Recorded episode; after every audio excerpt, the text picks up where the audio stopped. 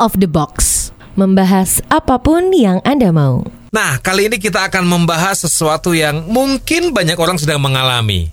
Stres, frustasi, cemas. Ada fakta menarik nih. 77% dari 150 pemain sepak bola di Australia ini stres. Jadi 58% di antaranya cemas, 45% menunjukkan gejala depresi. Karena mereka takut wabah COVID-19 ini mempengaruhi karir mereka. Apalagi situasi sekarang itu kayak dikit-dikit kita menemukan, waduh ada lockdown lah, PSBB lah, bisnis yang slow down yang sempat kita bahas juga. Dan bahkan ini kalau di Persatuan Pemain Sepak Bola Australia, ternyata 77% dari 150 pemain sepak bola itu stres. 58 persennya cemas, 45 persennya itu nunjukin gejala depresi. Sebenarnya mereka tuh takut kalau COVID-19 ini mempengaruhi karier mereka. Dan kayaknya nggak cuman nggak cuman pesepak bola aja Om Bob ya. Situasi COVID-19 ini kan wabah yang mendunia seperti tahun 50-an itu ada wabah pes ya, pes itu dari tikus ya. Itu juga ngeri. Kalau dulu zaman bahala itu kan yang ditakutin kan kusta. Kalau kita lihat dari buku-buku uh, agama itu dulu yang ditakutin kan kusta sehingga kalau ada orang kusta juga dijauhi ya karena waktu itu kusta kan belum ada obatnya. Nah sekarang ini juga idem tito jadi virus corona ini sampai detik sekarang ini belum ketemu obatnya.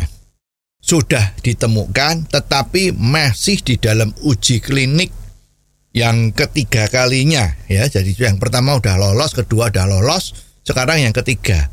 Kalau ketiga ini lolos ya nanti diharapkan satu bulan lagi itu obat ini sudah akan beredar di mana-mana dengan yakin.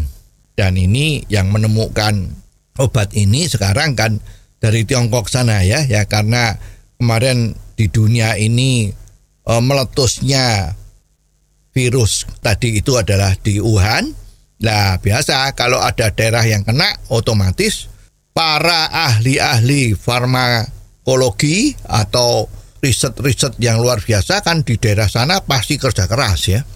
Dan ini kabar baiknya sudah ditemukan dan juga katanya Amerika juga sudah uh, menemukan dan sedang juga dilakukan uji klinik. Uji klinik itu kan dicobakan sama manusia ya. Pertama kali sama binatang, setelah itu manusia kalau memang udah oke baru baru beredar ya. Lah karena situasi virus corona ini yang termasuk virus jenis baru yang selama ini belum ada antisipasinya, ya memang hal ini menjadi situasi yang sangat tidak enak bagi orang-orang kita. Orang yang biasanya gaul, keluyuran maksudnya ya nggak tahan di rumah kan. Apalagi kalau kota-kota besar itu rumahnya kan kecil-kecil. Beda sama kita yang hidup di desa. Ya kota kecil atau desa itu rumahnya gede, pekarangannya besar. Itu relatif tidak begitu terasa ya. Tetapi yang di kota besar kota metropolitan apalagi itu rumahnya kan kecil-kecil ya banyak juga yang hidupnya di flat kalau flat itu kan ukurannya paling 50 meter persegi ya. Lah itu gimana? Ya yang biasanya kerja di biasanya keluar. Kalau malam minggu keluar makan-makan dan sah dan sah pergi ke night club minum bir di cafe itu lifestyle yang hampir ada di seluruh dunia ini. Nah sekarang nggak boleh. Ya, karena virus ini memang begitu bahaya. Nularnya itu dari orang-orang yang tidak ada gejala, tetapi dia juga tidak sadar kalau dia membawa carrier dari virus ini. Jadi otomatis apa yang dihimbau-himbaukan oleh pemerintah, nggak cuma di Indonesia, seluruh dunia, pemerintahnya juga mengharapkan bahwa rakyatnya itu harus stay at home kalau kerja ya work from home ya. Jadi semua harus di rumah aja nggak ke mana-mana dengan tujuan supaya tidak ada lagi rantai virus yang dibawa satu orang menuju orang lain ya. Jadi memutus rantai penularannya dari virus ini. Masa inkubasinya kan 14 hari. Maka diharapkan orang kalau diisolasi sendiri itu selama 14 hari. Kalau 14 hari sudah nggak ada masalah, itu berarti orang tersebut sudah kebal atau orang itu tidak kena virus corona. Nah ini otomatis kan orang yang biasanya ceria tiba-tiba nggak boleh ya. Pacaran nggak boleh ketemu teman kerjanya nggak boleh. Biasanya ngobrol juga nggak boleh ngobrol hanya boleh di rumah saja. Lah itu kan ya namanya juga frustasi kan. Nah kalau orang sudah frustasi dan ini kelamaan apalagi berita-beritanya itu banyak yang serem kan. Oh, ditemukan di mana tiba-tiba misalnya ada kampung penderitanya itu ada lebih dari 40 orang dari salah satu kampung. Wah ini kan seperti ngeri ini. Apakah semua penduduk itu kena seperti itu semua? Dan you tahu itu yang masuk di rumah sakit itu ya ribuan. Dan kemarin di Jakarta itu katanya satu bulan itu yang mati karena virus ini itu ada 400 lebih ya jadi tiap hari itu tukang gali itu tukang gali kubur ya jagler jagler itu sempat keluar di TV kan sehari itu puluhan yang yang dikubur. Ya, jadi ini kan memang suasananya sedih sekali. Orang yang frustasi lama-lama jadi depresi. Dan menurut perkiraan ahli-ahli bahwa situasi sekarang ini jauh lebih berat daripada waktu itu yang namanya Krismon ya tahun 9798 itu Krismon. Nah, sekarang ini krisis karena ada wabah yang akan menuju Krismon. Ekonomi yang diramalkan pada awal tahun itu growth up, tetapi ini akan menjadi negatif. Semua akan mengalami seperti itu. Dan ini ceritanya setelah wabah ini hilang, ekonomi juga mulai tumbuh, situasinya sudah beda dengan yang sekarang ini ada. Ya, jadi situasi normalnya besok itu sudah dikategorikan sebagai the next normal. Normal yang beda dengan yang sekarang. Ya, apakah ini lebih burem atau lebih bagus tergantung. Pada saat terjadi lockdown sekarang ini, semi lockdown lah, PSBB, PSBB. ya. Kan kegiatan ekonominya kan berubah total. Restoran pada tutup. Ya, terus orang tidak boleh bepergian. Ya, transportasi juga menjadi sulit Nah itu kan menciptakan challenge baru untuk orang-orang baru. Industri pariwisata hancur total. Beberapa perusahaan pariwisata yang leading kemarin, the best five atau the best ten, itu sekarang mampu semua. Setelah the next normal, nanti akan merubah dunia dalam segala bidang. Ya sekarang contohnya sekolah kemarin waktu ada wabah ini kan sekolah diliburkan. Artinya diliburkan itu harus belajar dari rumah. Ya, televisi Republik Indonesia juga mulai pakai program-program pengajaran untuk anak-anak dari rumah. Ah, orang-orang yang punya jaringan internet yang bagus, mereka juga belajarnya dari program-program yang sekarang populer untuk meeting itu ya, meeting tanpa usah bertemu fisik ya, pakai Zoom, pakai macam-macam itu ya. Nah, itu juga nanti akan merubah sistem dari pengajaran-pengajaran itu. Justru sekarang selama enam bulan sampai setahun ini bagi yang merasa ini adalah challenge, ini adalah kesempatan untuk bisa mendapatkan kehidupan yang lebih baik, usaha yang lebih baik, dia yang akan muncul sebagai pemenang. Jadi pada the next normal nanti, orang-orang yang sekarang di rumah, yang tidak frustasi, yang tidak depresi, itu akan muncul sebagai pengusaha-pengusaha baru atau orang-orang yang sebagai pemenang bertempur dengan virus corona ini. Nah, terus Om Bob, kalau kaitannya dengan pemain sepak bola Australia yang depresi tadi yang kita sebut di awal tadi, terus itu nasibnya gimana? Ya, sekarang you lihat semua kegiatan olahraga yang profesional, turnamen-turnamen Liga Inggris, Liga Spanyol, Liga Jepang, itu semua di stop. Nggak cuman itu, ya kejuaraan tenis yang kelas dunia juga berhenti. NBA basket juga berhenti. Ya F1 juga berhenti. Karena memang ini virus ini betul-betul membahayakan. Kalau kita tidak hati-hati, ya akan menjadi repot. Nah sekarang pemain sepak bolanya Australia kena imbasnya juga. Ya karena pertandingan liga-liga Australia juga nggak jalan. Karena semua apalagi Australia kemarin juga gawat kan. Apakah kekhawatiran mereka bahwa tidak akan ada penghasilan yang baik dari sepak bola ini akan terjadi? Ya bisa saja. Ya karena kalau nanti berkepanjangan situasi yang seperti ini kan diperkirakan bisa sampai enam bulan lagi. Itu terus orang-orang yang stay at home.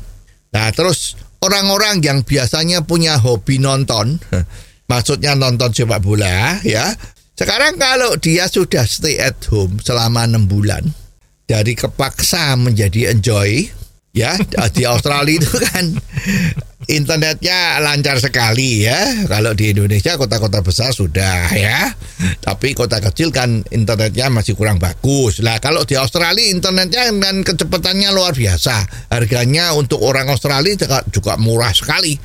Lah terus dia mempunyai hobi yang lain. Misalnya dari nonton sepak bola yang live, terus dia lebih seneng main game sepak bola ya ini sekarang pencipta-pencipta game di komputer atau di gadget itu kan juga sedang rame-ramenya menciptakan sesuatu supaya orang yang stay at home itu kerasan di rumah.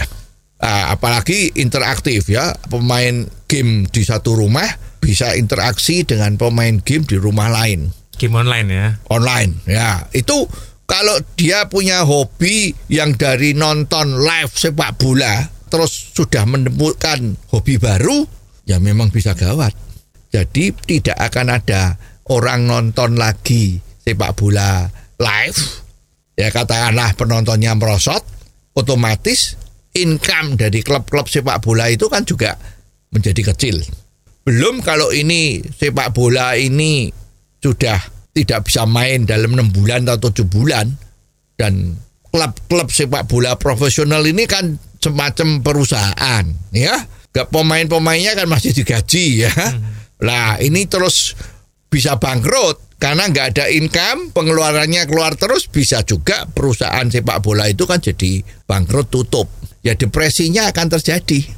Dan kebetulan biasanya pemain-pemain sepak bola profesional itu kan kemampuannya kan ya cuman bisa main sepak bola ya. Nah, kalau udah menjadi tutup begini tidak bisa main lagi. Iya juga ya. Out of the box. Membahas apa pun yang Anda mau. Nasibnya yang depresi tadi gimana Mbak? Ya, karena dia itu bisanya cuma main sepak bola, ya. Kan nggak bisa apa-apa dia ya. Suruh berenang ya nggak bisa kan. Nah, sekarang harus cepet-cepet berpikiran positif. Ya kalau depresi terus, ya nanti dia akan depresi terus, akhirnya bisa senewen, ya bisa linglong, ya mungkin bisa game over. Ya jadi yang penting sekarang kalau memang dia itu jago main sepak bola, ya dia harus memikirkan bagaimana dengan situasi yang liga-liga sepak bola itu sudah tidak ada pertandingan lagi, bagaimana dia harus bisa survive. Maka ini harus beralih. Kalau memang dia ahli sepak bola, ya sekarang saatnya untuk latihan misalnya dia itu ahli mengolah bola. Hmm. Ya sekarang dia harus latihan bagaimana supaya mengolah bola itu bisa menjadi show.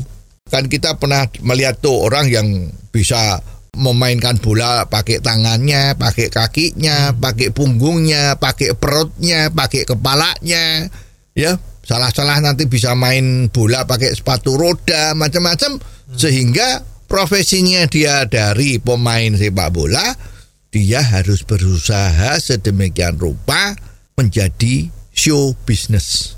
Agar supaya orang mau nonton bagaimana kehebatannya dia bermain bola. Nah, syukur bisa bermain di tanah semen, bisa bermain di tanah lumpur ya. Macam-macam ya. Bolanya dilempar-lempar pakai kepala ditangkap pakai kaki macam-macam. Pokoknya itu harus bikin permainan yang menarik sekali agar supaya orang mau bayar untuk nonton dia lah ini kan salah satu keluarnya ya jalan keluarnya agar tidak depresi pasti itu ada ya jadi kalau memang situasi yang seperti ini ya orang-orang yang punya pikiran positif dia yang akan bisa maju. Kalau orang sudah depresi dan dia maunya depresi terus, depresi terus, ya dia akan ditinggal. Berarti istilahnya kita harus bisa menemukan skill baru. Skill baru yang bisa jadi jualan kita. Korek. Ya, jadi kalau situasi yang seperti ini, kita harus mulai memikirkan. Sebetulnya kita ini mempunyai kekuatan atau keunggulan apa dibanding dengan yang lain. Barulah keunggulan-keunggulan yang kita punya itu sebagai dasar kita melakukan pengembangan-pengembangan yang menuju lebih profesional. Kalau ini bisa dilakukan, ya itu bisa menjadikan keseimbangan baru nanti di dalam the new normal tadi. Out of the box, membahas apa pun yang Anda mau. Nah, Om Bob, melihat situasi seperti ini kan kita mesti mulai berpikir kan kita ini punya keunggulan apa gitu supaya bisa jadi dasar kita berkembang supaya jadi keseimbangan baru juga di the new normal. Tapi apa bisa ya kemampuan yang sekarang ada itu tiba-tiba berubah menjadi profesi yang lain gitu? Ya kalau tiba-tiba tidak bisa ya. Kita hidup tuh bukan zamannya lampu Aladin. Lampu Aladin kan tinggal kalau kamu punya lampunya digosok-gosok gitu minta apa gitu terus bisa terjadi. Ya ini kan impossible kan? Mission impossible kan adanya di bioskop ya. Kalau di sini nggak ada ya. Jadi tapi memang harus jeli melihat ya. Contohnya begini. Sekarang misalnya kita itu pengusaha restoran. Karena situasi PSBB ini kan tidak boleh buka kan restorannya. Hmm. Stay at home, restorannya harus ditutup. Dan sekarang mengakibatkan apa yang sudah menjadi hobi dari kalangan-kalangan milenial sekarang ini kan sukanya kalau mau beli makanan tuh udah seperti gayanya gaya yang wah gitu kan maunya diantar. Wah tinggal pesen apalagi ada aplikasi yang mudah itu. Nah berarti kan sekarang itu ada shifting gaya hidup.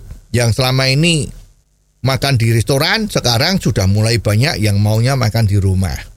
Ya tinggal pesen ya pakai aplikasi-aplikasi itu ya. Nah, sekarang lah seorang pengusaha restoran yang mengalami situasi seperti ini ya dia harus mikir.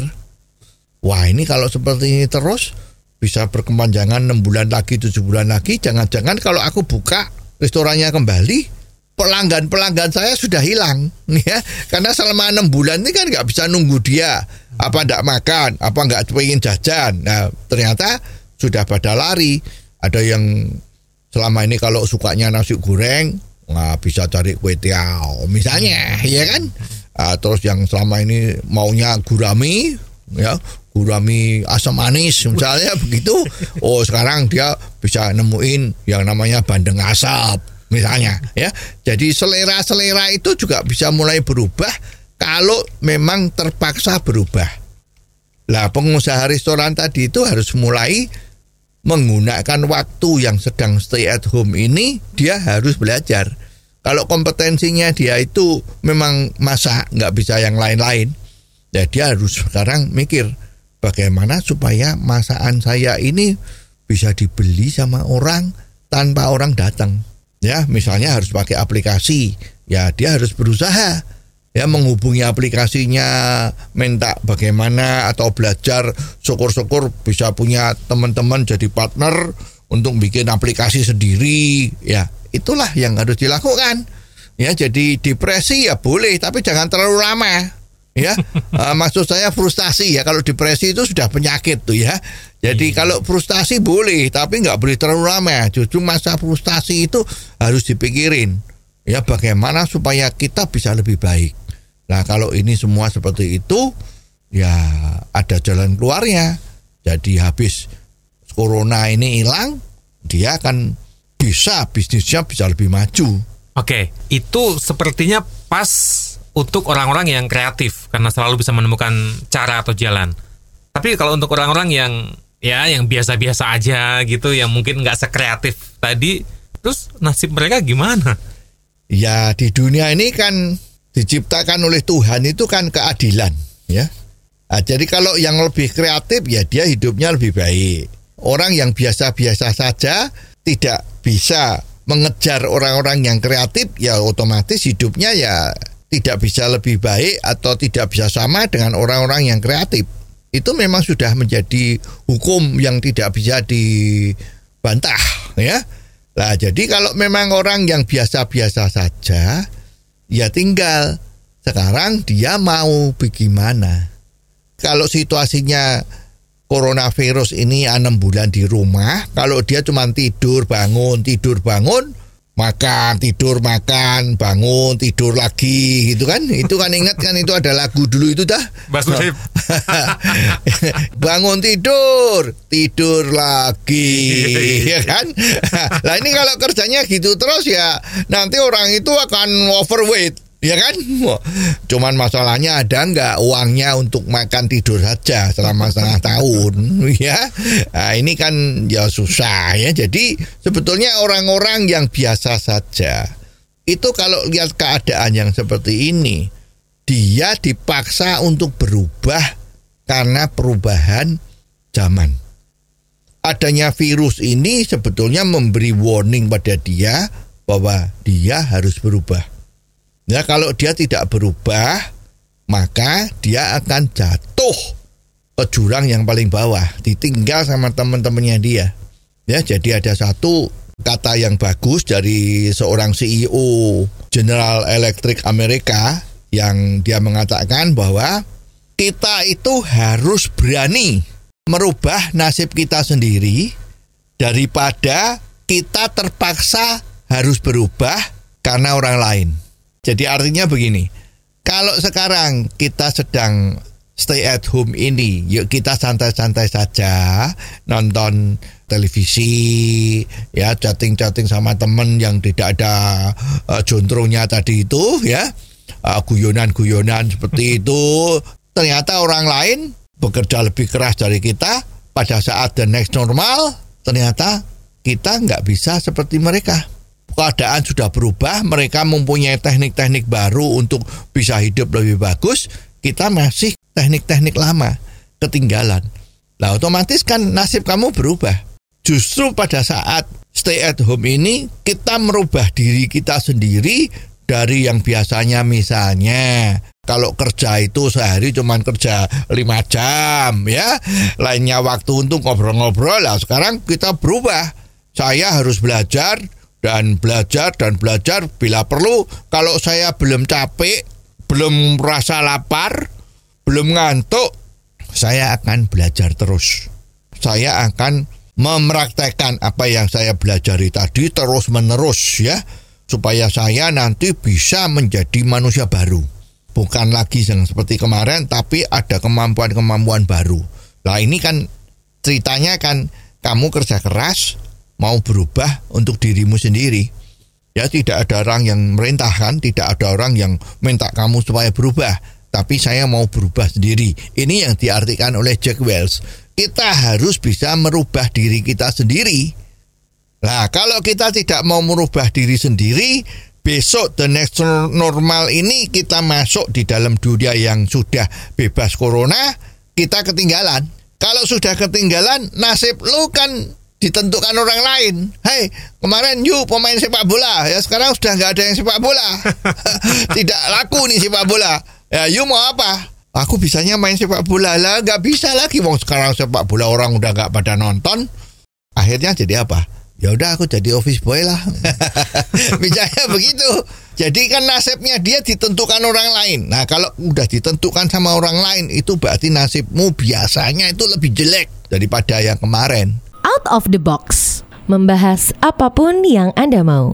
Kita terusin pembahasan kita yang menarik banget nih. Karena memang dengan adanya kondisi stay at home ini sepertinya malah membuka peluang buat kita ya Om Bob.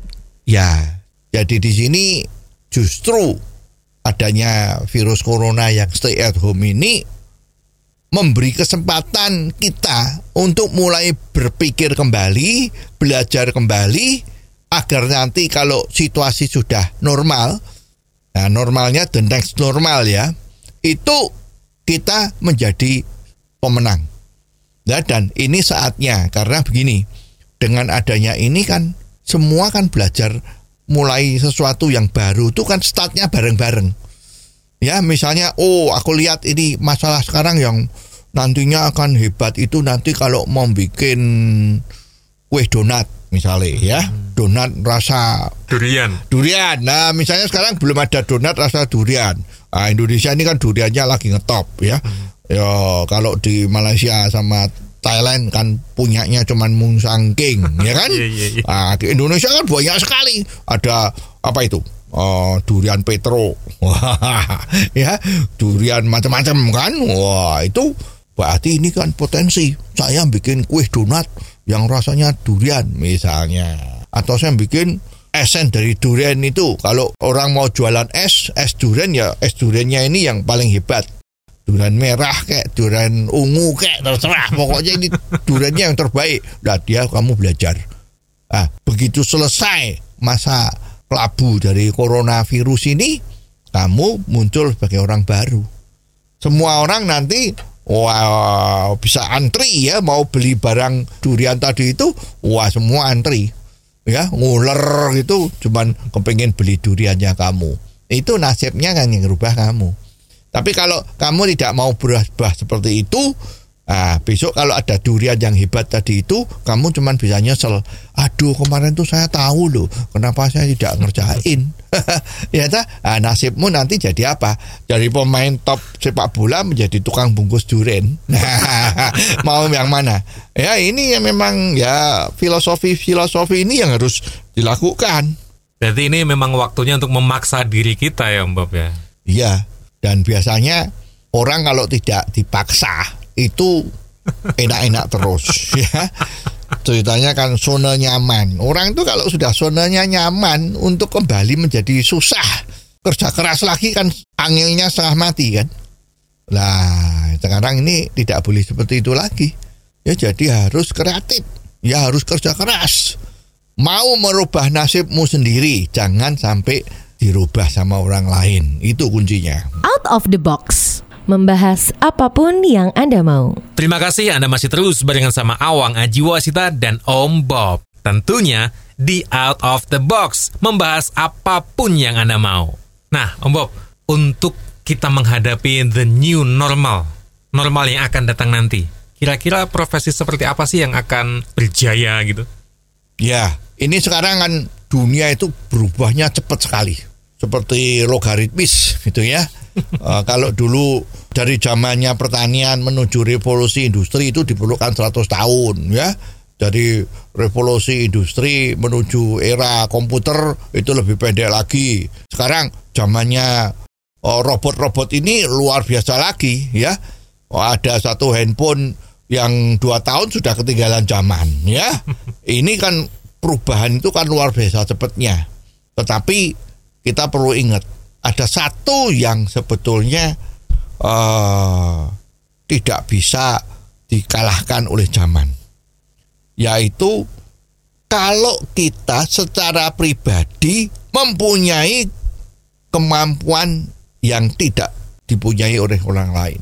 Contohnya, dulu waktu cuci cetak foto berwarna itu merajalela, ya ada merek Kodak, ada merek Sakura, ada merek Fuji ya.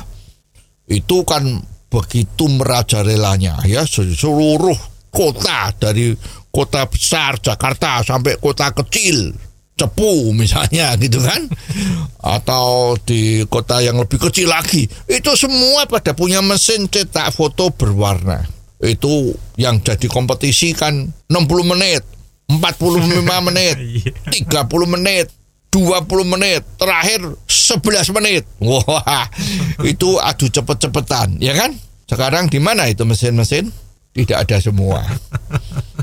Nah, kalau dari industri fotografi ini sekarang yang menang siapa? Yang menang adalah orang yang mempunyai kemampuan motret. Kemampuan motret itu bukan cekleknya itu, tetapi ngatur posenya, ya, ngatur skenanya, sudut-sudut pengambilan fotonya gimana, taste dari warna itu gimana.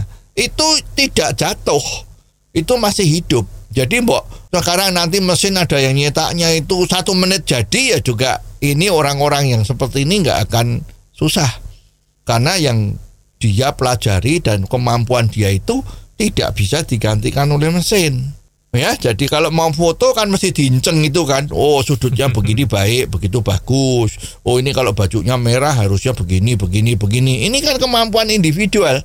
Lah kemampuan individual ini yang luar biasa, yang tidak bisa dikalahkan. Juga sekarang kalau kemarin ada yang teriak-teriak itu ya banyak sekali. Nanti kalau new normal sudah datang kemungkinan toko-toko itu menjadi chain shopnya lebih banyak lagi ya karena banyak toko yang mati nah ini ada chain shop yang jalan ke mana-mana. Nah itu gimana? Ya kita kalau mempunyai kemampuan di dalam melayani pembeli kita buka toko kecil ya you juga nggak akan kalah. Ya karena kalau udah toko-toko chain shop itu ya sifatnya kan sudah seperti robot. Ya misalnya mesin-mesin itu banyak itu mesin vending mesin macam-macam ya. Lah sekarang you mempunyai kemampuan servis pada orang lebih bagus dan perusahaanmu sangat kecil kan? Karena perusahaannya cuma kamu sama nyonyahmu misalnya begitu ya. Nah itu nggak bisa jatuh ya. Karena mau beli barang sama you itu karena inget you bahwa you orangnya senyumnya Mr. Groovy ya. Ah. full senyum ya. Layanannya bagus sekali ya dah lah ini semua kan menjadi ciri-ciri yang tidak bisa dikalahkan. Nah sekarang kalau you mempunyai kemampuan nih hebat, ya misalnya kamu mempunyai kemampuan menciptakan lagu, kan mencipta lagu kan susah, robot ya nggak bisa kan, karena ini kreativitasnya dari pikiran macam-macam itu, ini justru akan akan survive. Jadi nanti yang mempunyai kemampuan-kemampuan individual yang bagus, yang memang betul-betul jago, itu tidak akan lekang oleh zaman. Ya, kapan pun situasinya, ya dia pasti akan menjadi pemenang. Justru sekarang stay at home ini digunakan betul-betul waktu ini untuk belajar, belajar dan belajar. Ini pasti kalau kita udah usahanya mati-matian seperti ini, pasti kan Tuhan melihat, wah ini orang kok sudah luar biasa usahanya ya. Oke, tentu ridho dari Tuhan itu akan turun dan kamu akan sukses. Jadi kalau boleh saya simpulkan berarti justru malah dalam keadaan kayak gini kita malah jangan frustasi. Justru malah waktu yang tepat untuk kita mengupgrade diri, kita belajar banyak hal, mungkin belajar hal-hal baru supaya kita siap untuk the new normal atau bahkan kita leading di the new normal nanti Om Bob ya. Yes, itu memang harapan kita. Mudah-mudahan semua masyarakat Indonesia mempunyai tekad yang seperti itu, ya pasti ya negara kita juga akan cepat menjadi unggul ya, tidak sebagai masyarakat konsumen tok ya, tetapi menjadi masyarakat yang bisa menjual ide-idenya, bisa menjual produk-produknya ke seluruh dunia. Jadi bukan cuma sekedar jago kandang. Oke, so that excited. Om Bob terima kasih banyak ya. Oke. Kita akan ngobrol hal-hal yang lebih seru lagi di episode selanjutnya. Silakan kirim pertanyaan Anda apa pun itu untuk kita bahas di sini. Kirimnya via email di apa pun yang Anda mau at gmail.com. Kita ketemu lagi di episode selanjutnya Om Bob. Oke, see you. See you Om Bob.